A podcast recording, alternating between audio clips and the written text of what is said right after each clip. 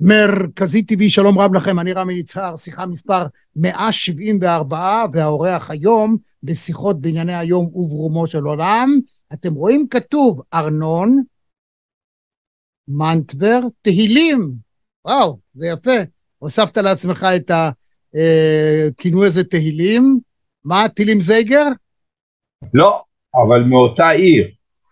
תמיד אמא שלי אמרה לי, אנחנו לא תלם זייגר, אנחנו תהילים. תהילים. אבל מרובנו, זה נכון, זו אותה עיר. Mm, גם העיר של האימא של עמוס עוז. אהה, right, טוב, אז קודם גם עמוס עוז וגם דמבל. כן. יוצא מן הכלל. אז בואו אני אסביר קודם לשם מה אנחנו התכנסנו. יום אחד מתעורר לו אה, יהודי ברוסיה, מוצא את עצמו אזוק מאחורי הסורגים, ואומרים לו, אה, יש לך גם אזרחות ישראלית. במקרה הוא גם איש אופוזיציה לפוטין. במקביל פתאום אנחנו שומעים שמערכת המשפטית תחליט האם הסוכנות יכולה להמשיך לפעול ברוסיה. וכולנו יודעים שבדיקטטורות, בדרך כלל, לא שאני מאשים את הרוסים, אבל בדרך כלל בדיקטטורות, בתי משפט, השופטים הם פקידים שמקבלים הוראות, בעצם מכתיבים להם את, פסק הדין. ואני שואל אותך, כמי שהו בתקופתו, אתה היית מנכ"ל של מחלקת הקליטה, העלייה והקליטה של הסוכנות, בתקופתך בשנות התשעים עברו 600 אלף האנשים שעלו מברית המועצות אה, הגיעו לכאן.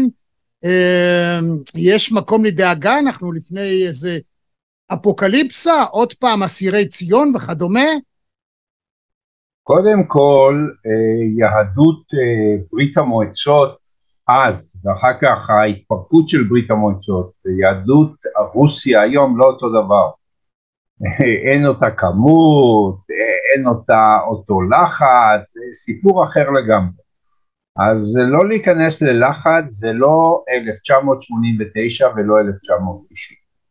בהחלט, אם הרוסים אה, רוצים, אה, לדעתי בגלל המצב המדיני-ביטחוני שלהם, זה לא פתאום, נכון שיש שאלה של ארגונים של העולם החופשי אה, ברוסיה שהולכת ונעשית יותר דיקטטורית, לא לגמרי, אבל מהלכים די משמעותיים. יש שאלה של חופש הפעולה של הארגונים האלה. אני הייתי מנכ"ל הג'וינט הרבה שנים, אמנם בישראל, אבל גם למשרדי הג'וינט היו לא מעט בעיות של המעמד החוקי שלהם. אז בהחלט יש שאלה של מעמד חוקי, המשלחות ידעו בזה, אני מניח שאפשר לפתור את זה אם יש רצון טוב. אבל הרקע... כן, אבל הנה יותר- השאלה, אחרי, אחרי אות הפתיחה, אנחנו נדון בעניין האם להערכתך יש רצון טוב או אין רצון טוב. עוד פתיחה ומתחילים. שלום רמי, מה שלומך? שלום שלום רמי. אני רוצה להתחיל בשאלת רב. אפשר? כן. בבקשה.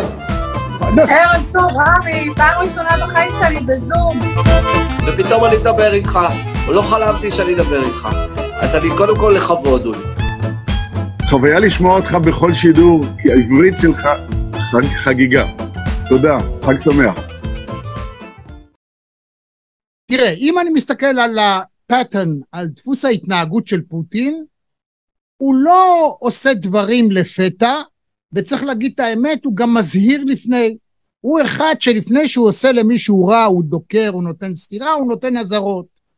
אנחנו ראינו את זה עם ישראל, למשל, בנושא הסורי, בהתחלה הוא אמר לא, ואחר כך הוא שלח את חיל האוויר שלו, האנשים שלו שנמצאים שם, בהמשך לאט לאט הוא התחיל להזהיר, ופתאום קרו דברים נוספים, ורק בימים האחרונים שר הביטחון בני גנץ אומר שממערכת הגנה רוסית בסוריה ירו אבל לעבר מטוס של חיל האוויר.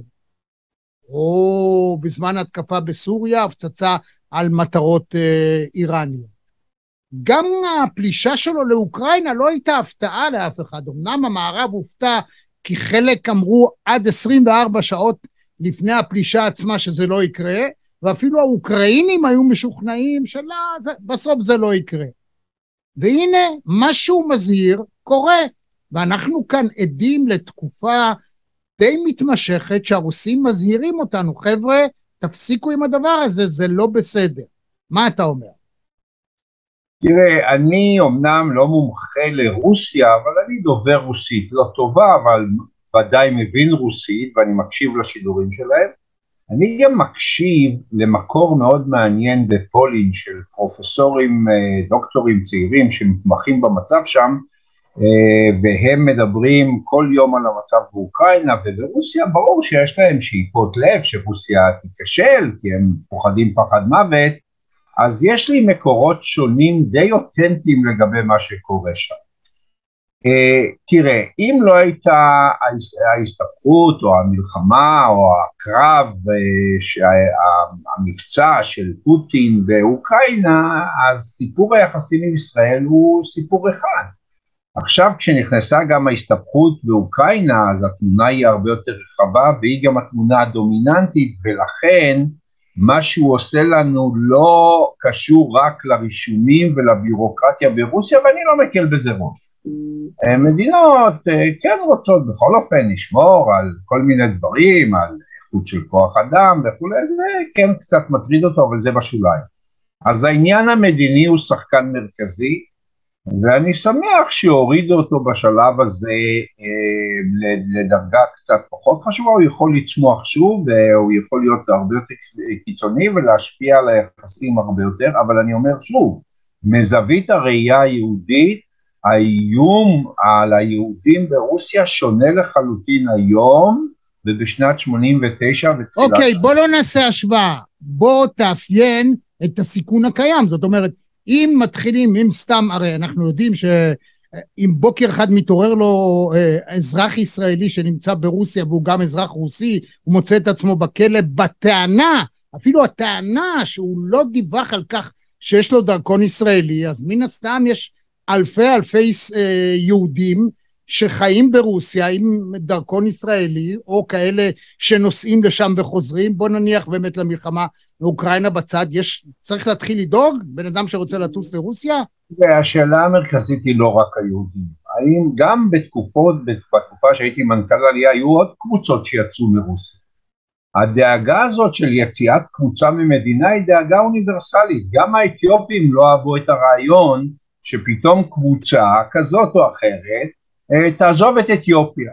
יש מעט מאוד מדינות שלא אכפת להם מהאזרחים, מי עוזב, מי לא עוזב, זה כן מעסיק אותם. אז צריך לראות את התמונה היהודית בהקשר הכולל. אם הוא סוגר את רוסיה, כמו שרוסיה הייתה סגורה פעם, אז יש מקום לחשש. אם הוא לא סוגר ככה את רוסיה, אז עם ישראל ידע להוציא יהודים, אני לא אגיד שהסגירה הייתה הרמטית, אבל כשהיא לא הרמטית, אנחנו יודעים להוציא יהודים מכל מקום. רגע, אנחנו לא מדברים על... זאת אומרת, אם צריך להוציא יהודים בדרכי עורמה, ומחדש להפעיל מחלקות של המוסד על מנת לפעול ב- ב- בכל מקום שהוא עוין, אז זה עובר מהסוכנות למוסדות אחרים, מוסדות ביון וביטחון ישראליים, אז עצם הרמז שזה יכול לקרות אה, די מטריד. אתה לא מנסה להקל ראש, אני לא יודע, אולי אתה צודק. תראה, השאלה היא האם פוטין סוגר את רוסיה לא רק ליהודים, אם הוא סוגר אותה לרוסים, אז זה סיפור יותר מסובך, אני אומר לך שוב שגם במצב הזה ליהודים יש יתרון מסוים. ואני לא חושב שישר הולכים למוסד, ולזה גם הסוכנות הוציאה יהודים בלי המוסד, גם הרבה עם המוסד, אבל פה לא צריכים מוסדות ביון בשביל זה, בואו נראה איך, אני מניח שכל החלטה כזאת יש לה הרבה מאוד השלכות בהרבה מאוד תחומים. לא פשוט לסגור מדינה כמו רוסיה אחרי 30 שנה של פתיחות די גדולה. ומבחינת היכולת של אנשים לצאת כתיירים, לצאת כמהגרים, לעזוב את רוסיה. ואני לא חושב שאנחנו שם, ולפי הקולות שאני שומע, אנחנו לא נראה לי שאנחנו מידרדרים לשם, ואני לא המומחה לרוסיה, זה אתה יכול לשאול מומחים יותר גדולים ממני. אז בוא נדבר על תחום המומחיות שלך. בשמחה. וזה הייתי אומר יהודים בגולה. איך אתה רואה את המצב היום? יהודים ומהגרים בעולם בכלל, אני עוסק הרבה גם בלא יהודים. איך אני רואה את המצב היום? תראה, היום היהודים חיים, כמעט כולם, במדינות שאפשר לצאת, מהן, גם איראן זאת מדינה שיהודים יכולים לצאת ממנה. אין יהודים במדינות סגורות. מה שגדלנו עם זה, ודאי, בשנות ה-50 וה-60 וה-70 וה-80, גדלנו תמיד עם יהודים שלא יכולים היו לצאת, נכון? במדינות ערב וכולי, היום זה לא קיים. ואם יהודים רוצים לצאת יכולים להגיע. זה ממש אה, לעומת מה שחשבנו בשנות ה-70 וה-80, זה אחרית הימים. יש לנו מערכת... אבל לעומת מה שהיה בעבר, שיהודים אה, ניצלו את יהדותם כדי לצאת ממדינות מצוקה או במקומות שהיו בעיות, הרי שהיום קיימת הגירה חיובית למדינת ישראל מן הטעמים ההפוכים. ישראל היא, אתה יודע, אפילו מארצות הברית, פחות ישראלים רוצים לברוח מפה להגר לארצות הברית בניגוד למה שהיה בעבר, ויותר אה, יהודים אה, שמסתובבים, או ישראלים לשעבר, מארצות הברית או מכל מקום אחר, מצרפת, ממדינות מערב, מערב אירופה וכדומה, רוצים להגיע לכאן. זאת אומרת, אנחנו הפכנו להיות סוג של, לא יודע אם אור לגויים, אבל באמת מוקד משיכה, בוודאי מבחינה כלכלית. אני מסכים איתך, אני חושב שחלמנו על המצב הזה. אני כמי שעסק בעלייה והגיע להיות מנכ"ל מחלקת עלייה עם 11 ניירות עמדה איך להביא יהודים מארצות הברית, אחרי שלוש שנים אה, בשליחות עלייה שם, אה, כל המחשבה הייתה בעיקר איך להביא צעירים, אבל לא רק צעירים, סטודנטים, אבל לא רק סטודנטים, והנה הכל התהפך, לא רק יהודים, גם לא יהודים רוצים לבוא לפה. אנחנו פעם חשבנו על הנושא של פליטים שיבואו לארץ, אני אומר לך כמי שעסק בעניין, היו מאה פליטים בשנה שהידרדרו, התגלגלו, חדרו לישראל במקריות, והיה פה נציג של ה-UNHCR אה, שהג'וינט, שאני הייתי המנכ"ל שלו, ייצג אותו, ואנחנו טיפלנו במאה איש בשנה, תראה כמה היום רוצים להישאר פה. נכון שאם היו פותחים להם את גרמניה ואת קנדה וארצות הברית, אה, אני מניח שרובם היו נוסעים לשם כי הם לא ציונים, לא גדלו על הרצל, מה אנחנו רוצים מהם? בכוח להשאיר אותם פה? לא, מי שרוצה שייסע, אבל צריך להתייחס אליהם כמו בני אדם. אותו דבר לגבי יהודים, מדינת ישראל דרך אגב מציעה ב high-end של ההייטק, זאת אומרת לאנשים בעלי יכולות אה, של מהנדסים וכותבי תוכנה בהייטק, גם אם הם לא יהודים, להגיע לכאן כמעט בתנאים של עולים חדשים, לקבל ביטוח רפואי ושהאישה תוכל לעבוד והילדים ילכו לבית ספר, אנחנו לא ערים לזה, נכון, יש מהפך גדול במעמדה של המדינה מבחינת יכולת המשיכה שלה, ויהודים מגיעים לכאן, ראינו מה קרה בצרפת, אין ספק, לא הדרכון הישראלי הוא דרכון נחשק בעולם, נכון. נחשב, אין שום בעיה לישראלי לקבל ויזה ולהיכנס לכל מקום בעולם, כי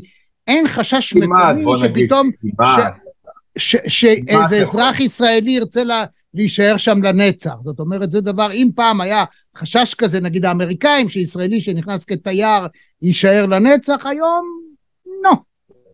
מי רוצה להיות נהג מונית בניו יורק? כן. בגלל התלות של, ה, של המפלגות ונבזות בעניין הזה, אז הישראלים צריכים ויזה ולעמוד בתור. אבל אתה צודק, אני מסכים איתך, אין פה בינינו ויכוח, יש מהפך גדול, אה, ואנחנו, אני מניח, זוכרים את המדינה במצב אחר, נכון? תקרא את, אה, את הדמוגרף אה, אה, שכותב על העם היהודי, ברח לי כרגע שמו מהראש, הוא מציין את זה בצורה מאוד ברורה בפרסומים שלו, בהסתכלות על המגמות הדמוגרפיות של העם היהודי. יפה. אז צריך להגיד שלמרות העובדה שהיהדות כיהדות היא מצד אחד מתנשאת, אנחנו אור לגויים, מצד שני לא מקבלת בקלות. בניגוד נגיד לאסלאם, שאתה בנקל יכול להפוך להיות מוסלמי או להתנצר, להתגייר זה, זה עדיין מסובך, אבל ישראל בוודאי מבחינה כלכלית בעשורים האחרונים הפכה להיות מוקד משיכה, אור לגויים, הצלחה מסחררת, אנחנו לא יודעים כמה זמן זה יימשך, ואנחנו...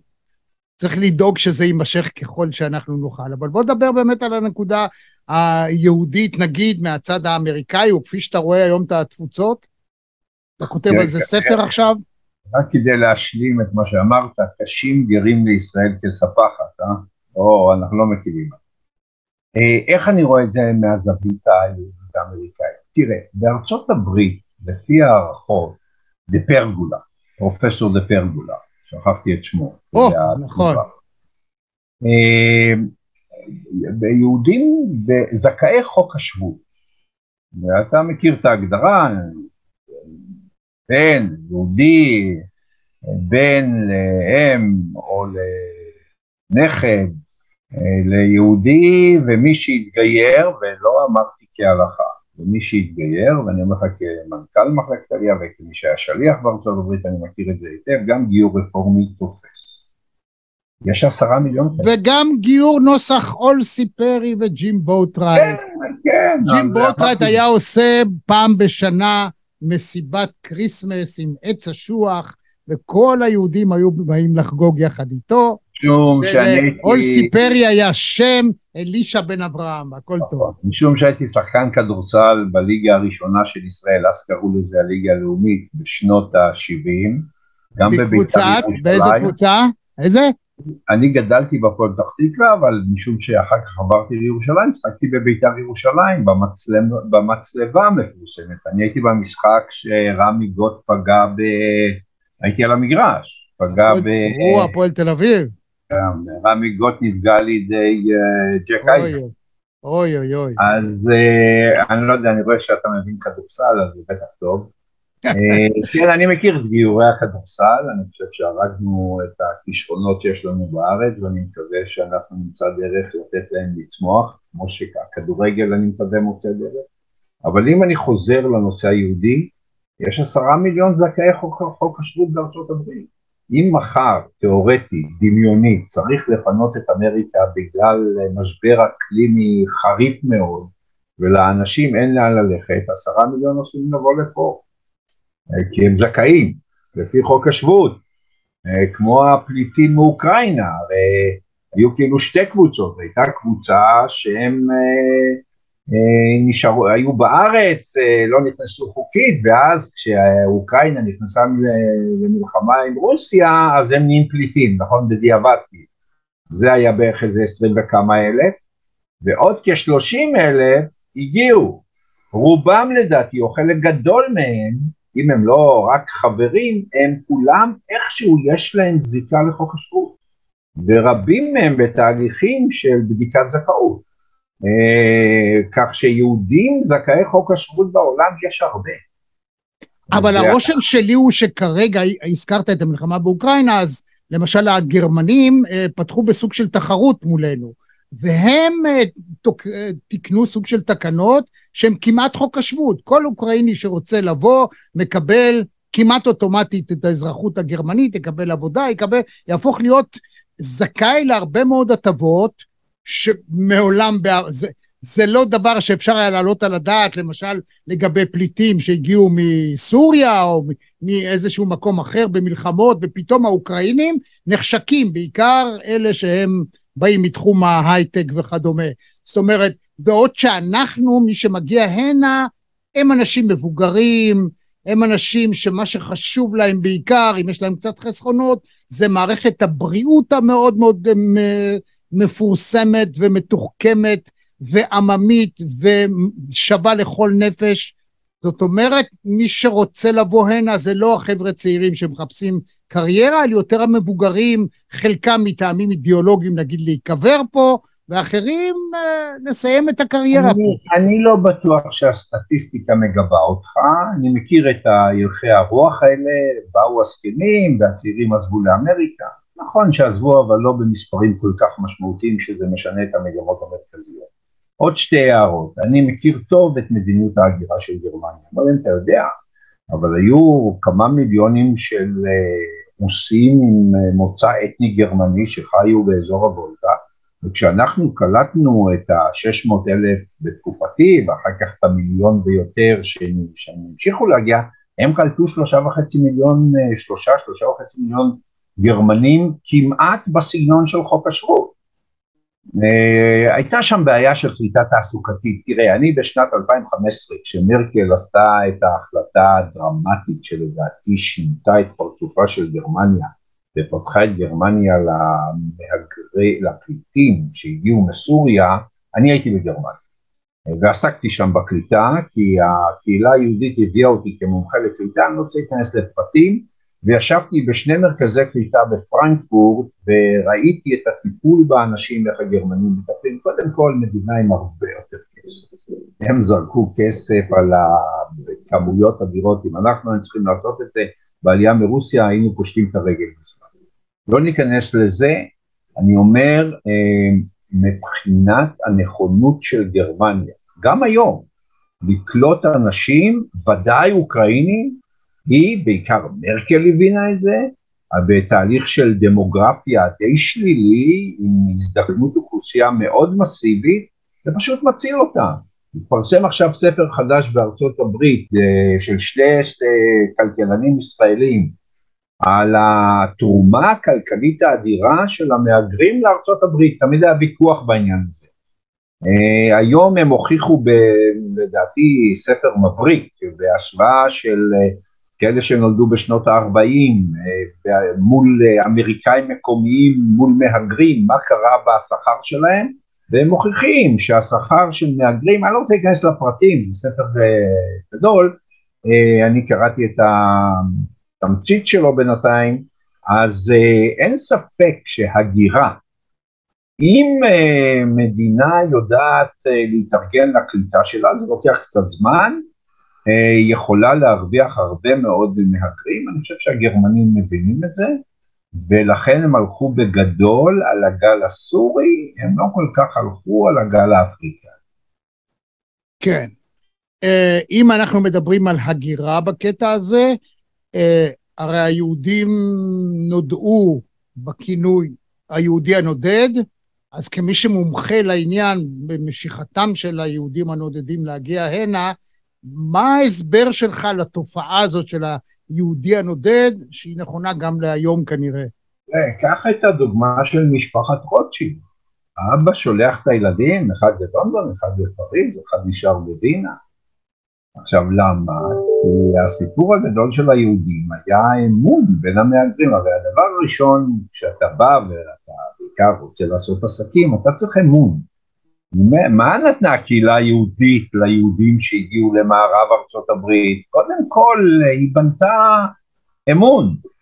אתה יכולת לנסוע, לא שלא היו מקרים של אה, רמאויות וזה, אבל סך הכל יהודי שפגש ביהודי הצד האתני, דתי, שפתי, אה, ובדרך כלל ההגירה הייתה נגיד ממזרח אירופה או ממערב אירופה, מרכז אירופה, והגיעו האחרים, הרי זה תהליך של שרשרת, העניין של האמון והלסמוך, שכשאני נותן לך אלף אה, אה, שקלים של זהב, אתה לא תסדר אותי ואני יכול לעשות איתך עסק. העניין הזה של אמון אה, שקיים בין אנשים ממוצא אתי הוא בסיס אה, לצמיחה של הגירה ולהתפתחות של קהילות. כן.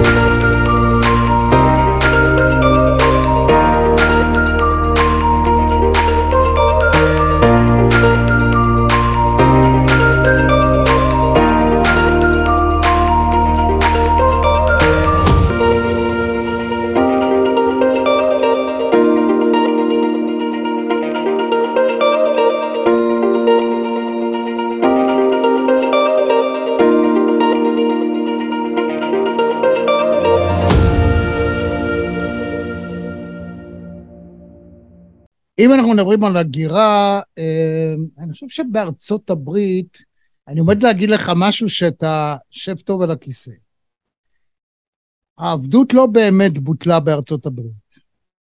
ביטול העבדות הוא היה להלכה, לא למעשה.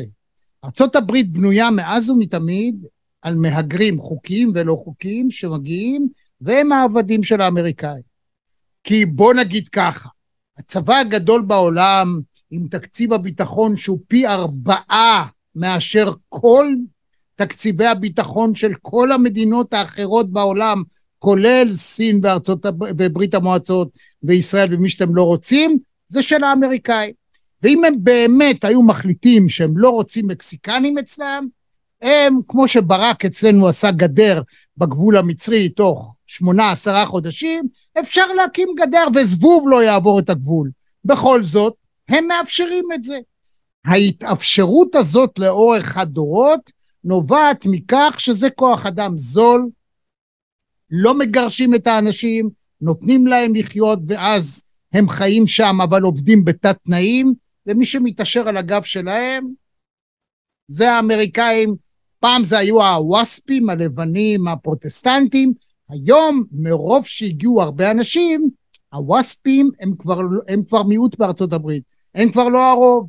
ויותר ויותר אנשים ממוצאים אחרים, בעיקר מדרום אמריקה, הלטינים מה שנקרא, השחורים, וגם האסייתים, לאט לאט מתגברים ומתחילים להיות ההארד-קור של האמריקאים. בעוד שהמיד של ארצות הברית, המרכז של אותם חקלאים ואותם אנשים הפשוטים, הם היום אלה שעלו בשישה בינואר 21 על גבעת הקפיטול. הם אלה שעושים את זה כי הם חשים שהכל מתערער להם. אז אם אנחנו מדברים על הגירה, בדרך כלל כשקיימת הגירה בהיקפים אדירים, אה, בלתי חוקיים, והממשלות לדורותיהם לא עוצרות את זה, זה כי יש אינטרס, ובדרך כלל הוא כלכלי. תראה, אני רוצה להגיד כמה דברים על מה שאמרת. קודם כל, הראייה של נושא העבדות מבחינת המשמעות הכלכלית שלו היום היא הרבה יותר אה, חמורה וביקורתית לגבי המדינות הקולוניאליות והטענה הקיצונית אומרת שכל העושר המערבי או חלק גדול מההסבר לעושר המערבי כולל אנגליה שכאילו לא היו בה עבדים מתקופה מסוימת היא התהליך הסיבובי הזה שהאנגלים שיחקו מאוד במגרש הזה ועזרו לקחת את העבדים מאפריקה לארצות הברית שעשתה על זה כסף, כנ"ל פורטוגל וספרד, יש אה, ראייה אחרת של התרומה של העבדות אה, לעושר של המערב. אני לא יודע כמה היא מדויקת, אבל זאת ההסתכלות החדשה והיא מאוד ביקורתית על המינימיזציה של המשמעות הכלכלית של זה. שניים, הספר הזה של שני הישראלים, וכבר הרבה זמן אני חושב, ואנחנו בישראל ידענו שעלייה זה מנוף כלכלי. נסתכל על ישראל וה... אה, אתה יודע, מה שאריק איינשטיין ואורי זוהר, זיכרונם לברכה, במופעם הקצר והנהדר שלהם בחוף יפו, כשכל אחד מקבל את הגל השני, וכשהוא כבר מקבל אותו, כבר יש לו איזה דירה קטנה בטח, ואיזה עסק קטן, הפולנים, את הרוסים, והרוסים, את הזה. זאת אומרת, גלי ההגירה בארץ, אנחנו יודעים את זה מהגל הגרמני, והגל, לפני, לפני הקמת המדינה, והגל הפולני, והגלים שהגיעו אחר כך, אה, אה, נגיד אולי שהקליטה של אנשים שבאו ממדינות כמו צפון אפריקה או המזרח, תלוי מאיפה, תלוי איזה קבוצות, אלה שבאו מעיראק תרמו מיד, היה להם ידע, היו להם כישורים, חינוך אנגלי בעיראק, היו לא מעט קבוצות גם מצפון אפריקה וגם. וגם מאסיה שתרמו מיד לכלכלה הישראלית. קבוצות אחרות בתוכן לקח להם זמן. אז אנחנו רואים נקודה שנייה שישראל, הגלים הכלכליים, לא רק הצד הדמוגרפי, הצד הכלכלי, העושר, אה, אה, היו מאוד מרכזיים. ואני חושב שיש ראייה אחרת של העניין הזה, ואני חושב שמרגרט, אה, לא מרגרט מרקל בגרמניה הבינה את זה. אנגלה מרקל. אנגלה מרקל בגרמניה, זאת אומרת, הסתבך לי עם מרגרט תאצ'ר. אבל היא הייתה הפוכה. רק לא תאצ'ריזם, בוא כן. נגיד ש... מרקל, אבל שיש גם מה ללמוד ממנה. מרקל הייתה מבחינה זאת מדאיגה, לדעתי, ששינתה את הדימוי של גרמניה בעולם ובעיני עצמה. וזה אפילו כבן לניצולים, אני יכול להגיד לך, זה היה מרגש לראות איך גרמניה, ולא שלא היו שם מאבקים, ולא שהיו כאלה שלא אמרו שהיא כתוצאה מזה תעזוב את השלטון, ובטח זה שיחק תפקיד בעניין הזה, אבל היא את שלה עשתה בהחלטה ההיסטורית הזאת מבחינת השינוי אה, הגרמני בעיני העולם ובעיני עצמם. הם הרי חלק אלה שלא היו נגד יצאו לתחנות הרכבת לקבל כן. אותם. שם, עסקתי בזה חצי שנה, לא בתוך גרמניה, הייתי בביקורים שם, אבל הייתי בקשר מתמיד עם מנהל מרכזי הקליטה שאני סייעתי להם, וראיתי איך הם מתמודדים עם התופעה ועם השינויים שחלו בתפיסת המהגר אצל אוכלוסייה לא מבוטלת צעירה, כמו שהייתה אוכלוסייה לא מבוטלת צעירה שיצאה נגד זה ושרפה ופגעה, אה, כן, זאת תופעה קשה לקבל זר.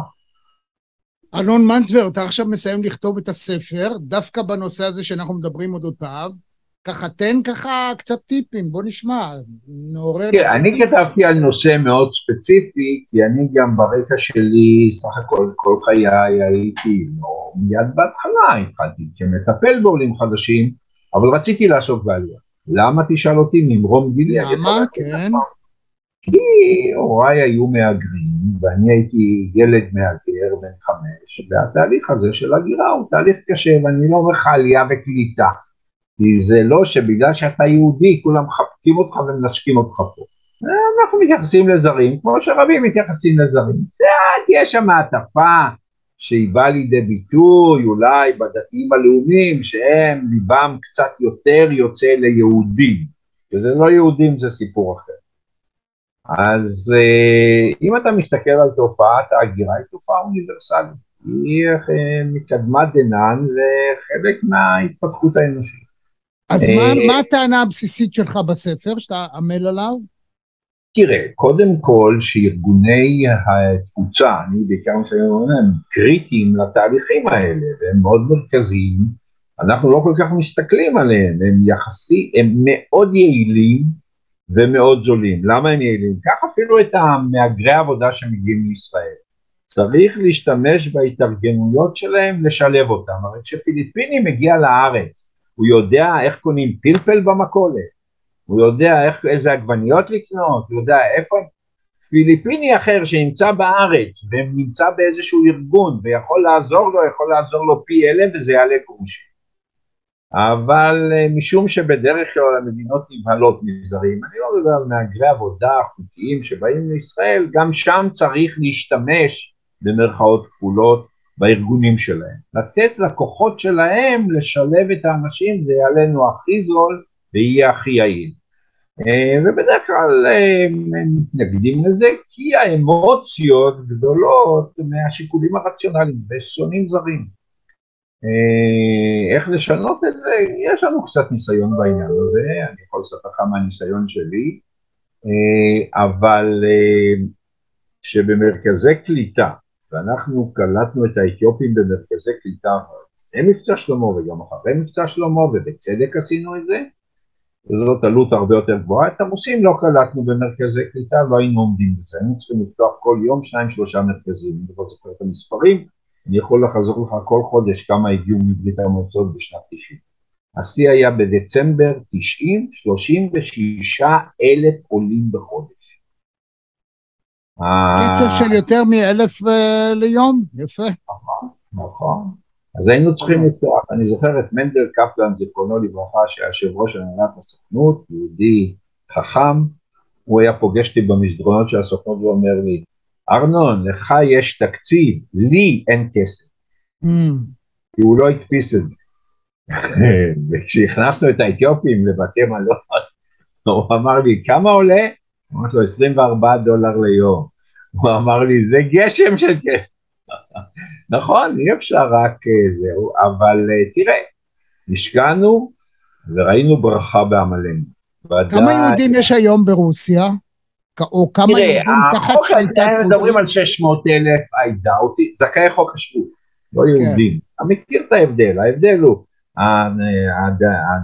הדתיים, האורתודוקסים אומרים, בן לאמא יהודיה ומי שהתגייר כהלכה. חוק השבות אומר נכד ליהודי סבא או סבתא, ברור. אה, ושהתגייר, זה הבדל גדול במספרים. כמה יהודים הם מדברים על 600 אלף, אני היום קצת רחוק מהמספרים, אני חושב שזה טיפה מספרים. כמה מה-600 אלף יש להם איזשהו עניין לבוא לארץ? זאת אומרת בארצות הברית יש הרי מיליוני יהודים שבחיים לא היו בארץ, הם לא מתעניינים, אנחנו יודעים סטטיסטית שאין להם שום קשר נפשי לישראל, שאלה- לא ליהדות ולא לשום דבר. שאלה מצוינת. אתה פוגע נקודה מאוד רגישה שאנשים לא כל כך יבחנו. תראה, הגל שהגיע בשנת 90, ה-200 אלף, רק 12 אחוז לא היו יהודים לפי ההלכה.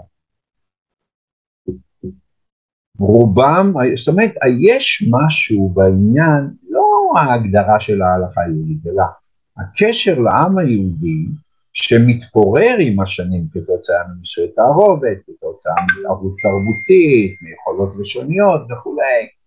אה, אה, הקשר לעם היהודי מאוד משמעותי, ועם השנים, התיקון, התיקון לחוק השבות, זאת אומרת נכד של יהודי וכולי, המספר שלהם הלך וגבר, ולכן השאלה שלך היא מצוינת, כי ב-600 אלף האלה, יש בטח, אני עושה הערכות גסות בהנחה שזה בכלל המספר, אבל בטח יש 50-60 אחוז שהם רוסים, נאורים מאוד כרוסים, ואני לא יודע באיזה מצב הם ירצו בכלל לצאת.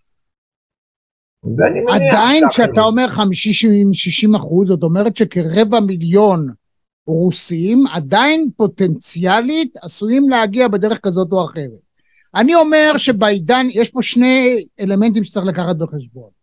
א', אה, תום עידן הגלובליזציה, כתוצאה מהתרחשויות שונות, הנפילה או ההתמוטטות או הקריסה ההדרגתית אה, של האימפריה האמריקאית, העלייה של הסינים שיש להם את היומרות שלהם והרוסים עכשיו, המערב שהוא כבר לא מה שהיה ואין שליט אחד, נשיא ארצות הברית כבר לא השליט של העולם, אה, זה מייצר, והקורונה בעקבותיה הביאה למצב של התערערות הגלובליזציה. פתאום מדינות סוגרות את עצמן, זה התחיל בזה להגן על עצמנו מהידבקות, ולאט לאט נהיה יותר ויותר קשה לנוע ממקום למקום. אז נכון שאירופה עדיין 29-28 המדינות של האיחוד האירופי התנועה חופשית, אבל אחרי הפרישה של בריטניה ברקזיט, אה, אנחנו לא יודעים מה יהיה הלאה. אמנם הסקוטים רוצים להיפרד מבריטניה ויהיה משאל עם כדי לחבור לאירופה, אבל אנחנו לא יודעים עד כמה הדבר הזה יכול להחזיק מעמד. אז פה נשאלת השאלה, בעת מצוקה היהודים אולי ינסו להשתמש ביהדות שלהם כדי להינצל, כדי לצאת, נגיד אם רוסיה תהיה באמת סגורה ותיקלע לצרות צרורות, מה שכרגע לא נראה. וחרף התעמולה, או כפי שזה מצטייר, מי שמנצח במלחמה בינתיים באוקראינה זאת רוסיה. אתם צריכים לראות את השידורים שמגיעים מרוסיה ואני צופה בהם. פוטין יודע איך להסתדר. זה לא מזיז לו במיוחד שיש לו 30-40 אלף הרוגים. בסדר, זה לא כמו אצלנו כל חייל שמקבל שריטה זה אבל לאומי. שם לא עושים מזה עניין. אז ובינתיים הרוסים עושים את שלהם. האוקראינים מנצלים במאה אחוז את האמריקאים. ארצות הברית, ג'ו ביידן, נתן בחמישה חודשים לאוקראינה עלות, עלות דולרית של מה שעלה לו חמש שנים, מה שעלה לארצות הברית חמש שנים וחצי תמיכה באפגניסטן בעת השלטון האמריקאי באפגניסטן. דהיינו, כרגע יש אינטרס גדול להרבה מאוד מדינות באירופה, ודאי באוקראינה עצמה, גם לנו לתעשיות ביטחוניות כאלה ואחרות, שהמלחמה לא תיגמר כל כך מהר. וגם לפוטין זה לא בוער. ובינתיים הוא בטח לא מפסיד. אז יגידו מה שיגידו, כשמסתכלים, האיש ידע לטפל יפה מאוד מבחינה כלכלית, נערך לזה נכון, הדולר שפתאום ירד בשוויו, הרובל הרוסי הגיע ל-120-130 רובל לדולר, פתאום נהיה 60, פתאום התחזקות. ההכנסות של הרוסים מאנרגיה הן הרבה יותר גבוהות מאשר היו אי פעם, אז אתה מסתובב בקניונים במוסקבה ובמקומות אחרים, בסן פטרסבורג, בערים הגדולות, זה מלא מכל טוב. אז נכון, לחנות לא קוראים מקדונלדס, אז מה שהם עשו, הלאימו את המכונות, לקחו את העובדים, שמו שם, שם אחר ברוסית, אבל זה אותו מוצר. נעלי אדידס אפשר להשיג בכל מקום, אותו דבר נייקי ואותו דבר כל מוצר אחר. זאת אומרת, בינתיים למרות מה שנדמה לנו, הסנקציות לא מצליחות, ולעומת זאת המשבר האנרגיה העולמי הולך ומחריף במדינות המערב.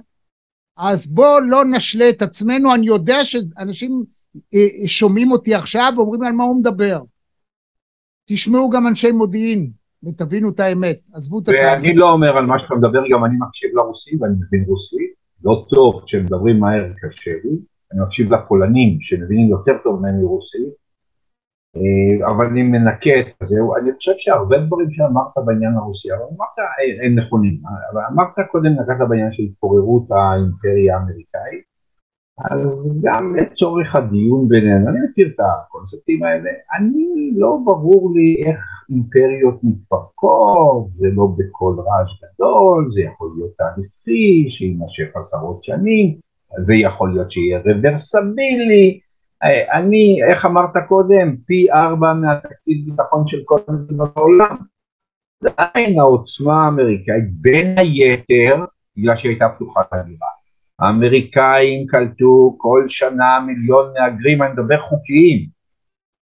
מידת הקליטה שלהם לדעתי מאוד השפיעה על ההשתנות של אמריקה, אני, תראה, יש ספר שנכתב Reinventing the Melting Pot, אה, כאילו לחדש את כור ההיתוך. תראה, התהליך של כור ההיתוך היה חזק מאוד בתפיסה של האינטגרציה, שזה התחומים שאני התעסקתי בהם גם בישראל, מה זה היה? הצבר הישראלי, הבלונדיני, כור היתוך. נערבב את כולם ונייצר ישראלי חדש, גם האמריקאים, אחר כך בשנות ה-70 איפשהו, התחילה התפיסה של הרב תרבותיות, קנדה די הובילה אותה, אה, וגם ארה"ב קנתה אותה וגם אנחנו קנינו, וגם לרב תרבותיות שכולנו ראינו אותה בשמחה גדולה וחשיבות גדולה, ואני לא מקל ראש בזה, אבל יש לזה גם מחיר, אם אתה מושך את זה לקצה, אז זה גם יוצר קונפליקטים פנימיים, תראה מה קורה, גם אצלנו, גם בארצות הברית, גם במדינות אירופה, והעלייה של הלאומיות מחדש. מה זה אורבן? מה זה הפולנים? זה לא לאומיות. הם לא נתנו לפליטים מסוריה לעבור בגבול שלהם, הם לא רצו להתיישב בהונגריה, הם רצו גרמניה, אפילו לעבור בגבול לא נתנו להם. אני, אני, אתה יודע, שם אני יכול ללכת לכל מיני ניתוחים, הפולנים קיבלו עכשיו הרבה מאוד מחמאות על הקליטה של שניים וחצי מיליון אוקראינים, גם אני מוחא להם כפיים, אבל כשהגיעו פקיסטנים דרך ביאלורוס השאירו אותם ביערות שיקפאו שם, נכון? זאת אומרת, הסיפור הוא אה, גם ההתפוררות, נכון, אנחנו לא כל כך סותרים בעניין, אז ההערה שלי לגבי ההתפוררות של האימפריות, כן, יש תהליך כזה, שאני מדבר על האימפריה האמריקאית, אני לא ברור כמה זמן, הכוחות של, אמריקה יש 350 מיליון תושבים, היא מדינה מאוחדת, היא מדינה, עם כל המתחים החברתיים, אבל היא עוצמה אדירה, נראה, זו שאלה של מנהיגות, שאלה של שיטת בחירות, זה מגיע לחידודים, אה, אבל איך אומרים, יש גם קונפליקטים חיוביים. אז ההערה שלי לגבי אמריקה, בוא, אני עוד לא יודע מתי היא מתפרקת כל כך מנכסיה ומה יעשו ההתגבשויות החדשות. עכשיו, אתה צודק, אה, אני חושב שפוטין התפתה, ואני לא מומחה לרוסיה, אבל מתוך ההסתכלות היותר מעמיקה שלי וההיכרות עם, אני הייתי ברוסיה כשהייתי מנכ"ל עלייה 50 פעם בשנתיים. נסענו, חרשנו את כל המדינה, כי לא עשינו בשלט רחוק, היינו בשטח, אני והשותף שלי, הבכיר ממני, צביקה ברק, שהיה מנכ"ל מחלקת הכספים, הוא החזיק את הכסף בכיס, ואני טיפלתי באנשים. אז אנחנו אה, אה, ראינו את ההשתנות של רוסיה, ואני זוכר שבר לב, זיכרונו לברכה, היה שגריר שם אה, בערוב ימיו, וכולם אמרו איך היא מתפרקת, איך היא מתפרקת, הוא אמר חבר'ה המטאלורגיה פה מצוינת, לבנות טנקים הם יודעים, אה, זאת אומרת אתה צודק, יש, פוטין התכונן, הוא גם, אתה צודק, הוא לא יום אחד קם בבוקר, ככה זה נראה בעולם, הוא שמונה שנים מאז קרים אה, אומר אוקראינה, עכשיו מה רוצים ממנו? אה, כששמו טילים רוסיים בקובה כמעט הלכו למלחמת עולם, אז מה אוקראינה למוסקבה זה כמו קובה לוושינגטון? כששמים שתי קטיושות איראניות באיזשהו שטח בסוריה, אנחנו מאפשרים לזה לקנות? אוקראינה יותר קרובה, קייב למוסקבה זה, אני לא יודע, שעה טיסה. כן. וקובה זה שלוש שעות, זה שעתיים וחצי לוושינגטון. אז אה, גם קיסינג'ר אמר הוא עכשיו יצא באיזו הצהרה אחרת, וגם יש מומחים רציניים, סובייטולוגים אמריקאים שאומרים את זה, מה אתם רוצים? הוא שמונה שנים אה, בוכה והוא מתכונן, נכון, הרובל נפל והשתקם, אבל כמו שאמרתי לך אגב התהליכים בארצות הברית, התהליכים האלה של המלחמה בכל אופן פוגעים והם ארוכים יותר, להילחם באוקראינים זה ממש מלחמת אחים. מלחמת אחים. נכון שהאוקראינים הלאומיות היא ממלחמת העולם הראשונה ונגיד מאמצע המאה ה-19, לא לפני זה, יותר מאוחר לדעתי.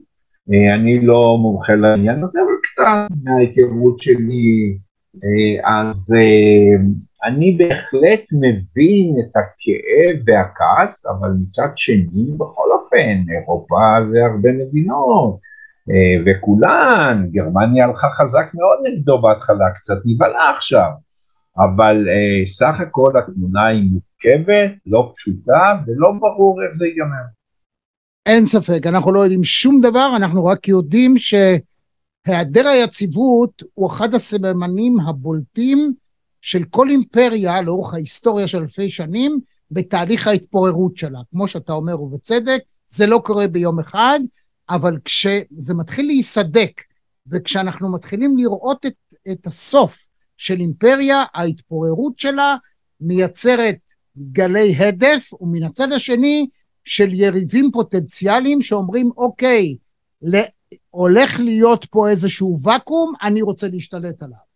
ולכן כרגע, רבותיי, אה, שוב, לא להיכנע לספינים שמספרים שהרוסים מפסידים במלחמה, הם לא מפסידים, ולו מסיבה אחת נורא פשוטה.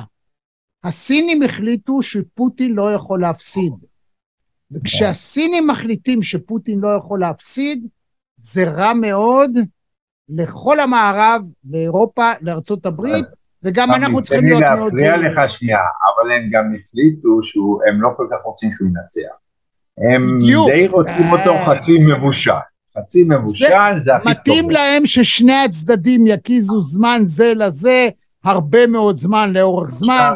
האירופים מרוויחים מזה הרבה כסף, הסינים מרוויחים את המעמד ואת המשך הקריסה האמריקאית, ואנחנו פה צריכים להיות מאוד זהירים, וזה אפרופו העניין נכון. של ההתבטאויות נגד פוטין והעובדה שאנחנו ראינו, הזכרת את הפולנים ואת הרוסים, אז אה, אני זוכר שביום הראשון שישראל כץ אה, נכנס לתפקיד שר החוץ, הוא כבר אמר איזה משהו, התקשקש עם הפולנים, ושם התחיל המשבר, ואיך ש... שהתחיל לפיד כשר חוץ, גם הוא אמר משהו על הפולנים. נכון. ולקח הרבה זמן עד שהשלמנו איתם, ועכשיו סוף סוף חוזר אה, שגריר. גם פה, לפיד, ביממה הראשונה כשהוא נכנס לתפקיד אה, ראש ממשלת המעבר, הוא הפציץ בסוריה בשביל להגיד איך בלדו, גם אני עושה את זה, אבל הוא אמר מה שלא היה צריך להגיד לפוטין, ופוטין מיד הגיב, וכתוצאה מזה היה סוג של משבר, שאולי עכשיו קצת המצב השתפר, לך תדע. אגב, תהייה שאני שואל את עצמי, הואיל והחליף של, של לפיד, שמו נפתלי בנט, אולי שכחנו, אבל הוא הרי היה בטלפון, הם היו מדברים, החבר'ה, פעמיים שלוש ביום. למה בנט פתאום נעלם ולא יכול להרים טלפון ולהרגיע את הרוחות? גם זה אני לא יודע, אבל זה גדול עלינו. על כל פנים, השיחה הזאת, ארנון מנטר... אני רק רוצה להגיד ככה, קודם כל אתה צודק, אני ראיתי בדיוק את אותו עניין, אני יותר מדי מסכים איתך, זה מתחיל להטריד אותי. אתה מוטרד מאוד מאוד. צריך לריב קצת, אבל אה, זה נכון, המדיניות של כץ הייתה על בסיס מה שאימא שלו הפולנים היו יותר גרועים מהאוקראינים והרוסים הזה, והמדיניות של לפיד הייתה על בסיס מה שאבא שלו אמר. אתה מבין? זו הייתה מדיניות באמת מחושבת, נבונה, על בסיס גרסאות, גרסא דיאנקותא, מה שאמרו האמא והאבא.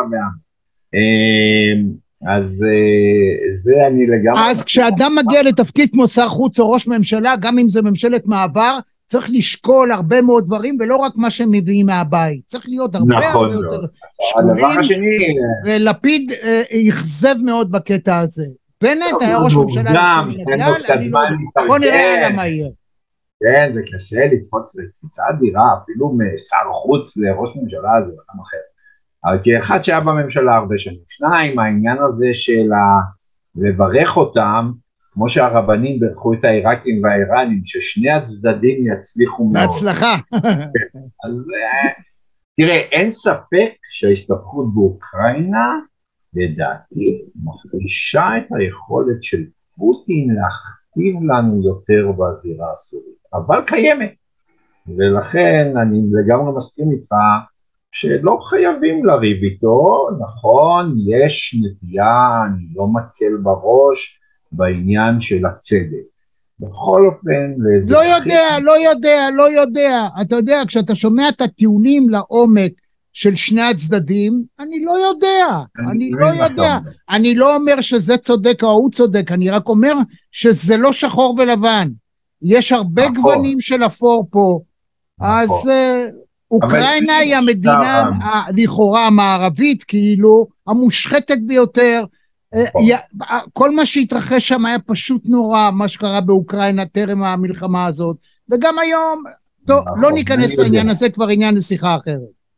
אני רק אגיד לך דבר אחד, בסוף, אתה צודק, אבל בסוף כשאתה צריך להחליט, העניין הזה של הזכות של האנשים להגדרה עצמית, זה היה עיקרון אה, מאוד חזק אחרי מלחמת העולם הראשונה, הקמת הגוף של האומות המאוחדות וכולי, גם לאוקראינים יש את הזכות, וראינו שלא מעט אוקראינים עם שורשים רוסים חזקים מאוד בחרקוב, באזורים המזרחיים, בכל אופן לא אהבו את הגעת הרוסים בצורה שהם הגיעו, בדרך שהם הגיעו. אני לגמרי מסכים איתך שזה, שזה הרבה אפור, אבל ש- when it boils down, זכותם של אנשים להגדיר את עצמם והזכות של האוקראינים לנסות לשאוף להתאחד עם אירופה קיימת, ולדעתי הרוסים ימנעו את זה מהם, כי הרוסים שרואים, ותראה כמה הקומוניסטים דומים ללא קומוניסטים, מבחינת הכוחות שפועלים שם, לא רוצים כוח מאיים רציני קרוב מאוד לגבולות שלהם. רוסיה בלי אוקראינה אף פעם לא תהיה רוסיה. וישראל לא חייבת בכל דבר שתהיה לה עמדה של 100% לכאן או לכאן. ממש לא. בעיקר עם האינטרסים שלנו, חובקי עולם. אני מסכים איתך במאה... תשמע, אתה צודק, אנחנו הסכמנו ביותר מדי דברים. יותר מדי דברים. חשבנו להתקוטט על משהו, כאילו אני כן. חשבתי. כדורסל אולי. אנחנו דיברנו לפני הפגישה הזאת. כן. הייתה שיחה מרתקת. כן. כדורסל אנחנו יכולים לריב, אבל אני תמיד... גם בכדורסל איך נריב? על מה, על בית"ר ירושלים? מה, אתה אוהד בית"ר? אני הפועל תל אביב. נו, אז מה אתה רוצה? הציעו לי, כשהייתי מנכ"ל הג'וינט, באו אליי חבר'ה מהכדורסל של בית"ר ירושלים, ליגה ג', אמרו לי, אנחנו יודעים שהיית שחקן, ואנחנו רוצים שתהיה היושב ראש שלנו. אמרתי להם, קחו אלף שקל, תלכו, לא רוצה להיות יושב ראש שלכם. אתה יודע מה, אם אתה מדבר על זה, אז אחד האבסורדים הגדולים, הוא זה שאם מדברים על השנאה התהומית לכאורה שקיימת, היריבות הזאת בין בית"ר ירושלים להפועל תל אביב, שים לב למשל בכדורגל, טובי השחקנים עברו מהמועדון הזה למועדון הזה, אתה יודע, מי אבוקסיס ומי לא, היה גם פה וגם פה, והכל בסדר, כולל מאמנים. אז אה, עזוב, בוא... אני מכיר טוב את בית"ר ירושלים. אמרתי, אתם רוצים שאני יושב ראש? תפסיקו להיות גזעניים. הלכו מהחדר. אני חושב שבסופו של דבר, המונח, אתה יודע, זה גם עניין לשיחה אחרת, אבל אני חושב שגזענות, אה, לקחו אותה טיפה רחוק מדי. אחרי הכל, לכל אחד יש לו את הנקודות מבט שלו, ובכל עניין שהוא, אה, איכשהו אפשר להאשים אדם בגזענות, בשנאה, בזה וכדומה, אבל צריך להשתדל להיות, אתה יודע, שכולנו נאהב באמת אחד את השני ואת הגזע האנושי, והיידה, שנהיה בריאים. תודה רבה, היה גדול, גדול, גדול, כיף גדול. תחתוך הרבה, תחתוך הרבה. כשיצא הספר שלך, אז נהיה שוב בקשר, שלח לי אותו. הספר יהיה אינטרנטי, אני אשלח לך, אני יכול לשלוח לך תקציב שלו, אני אגיד לך את האמת, אני גמרתי לכתוב אותו לפני שנה. הפרק האחרון לוקח לי לכתוב שנה שלמה, והוא סתם, אבל ככה זה בחיים.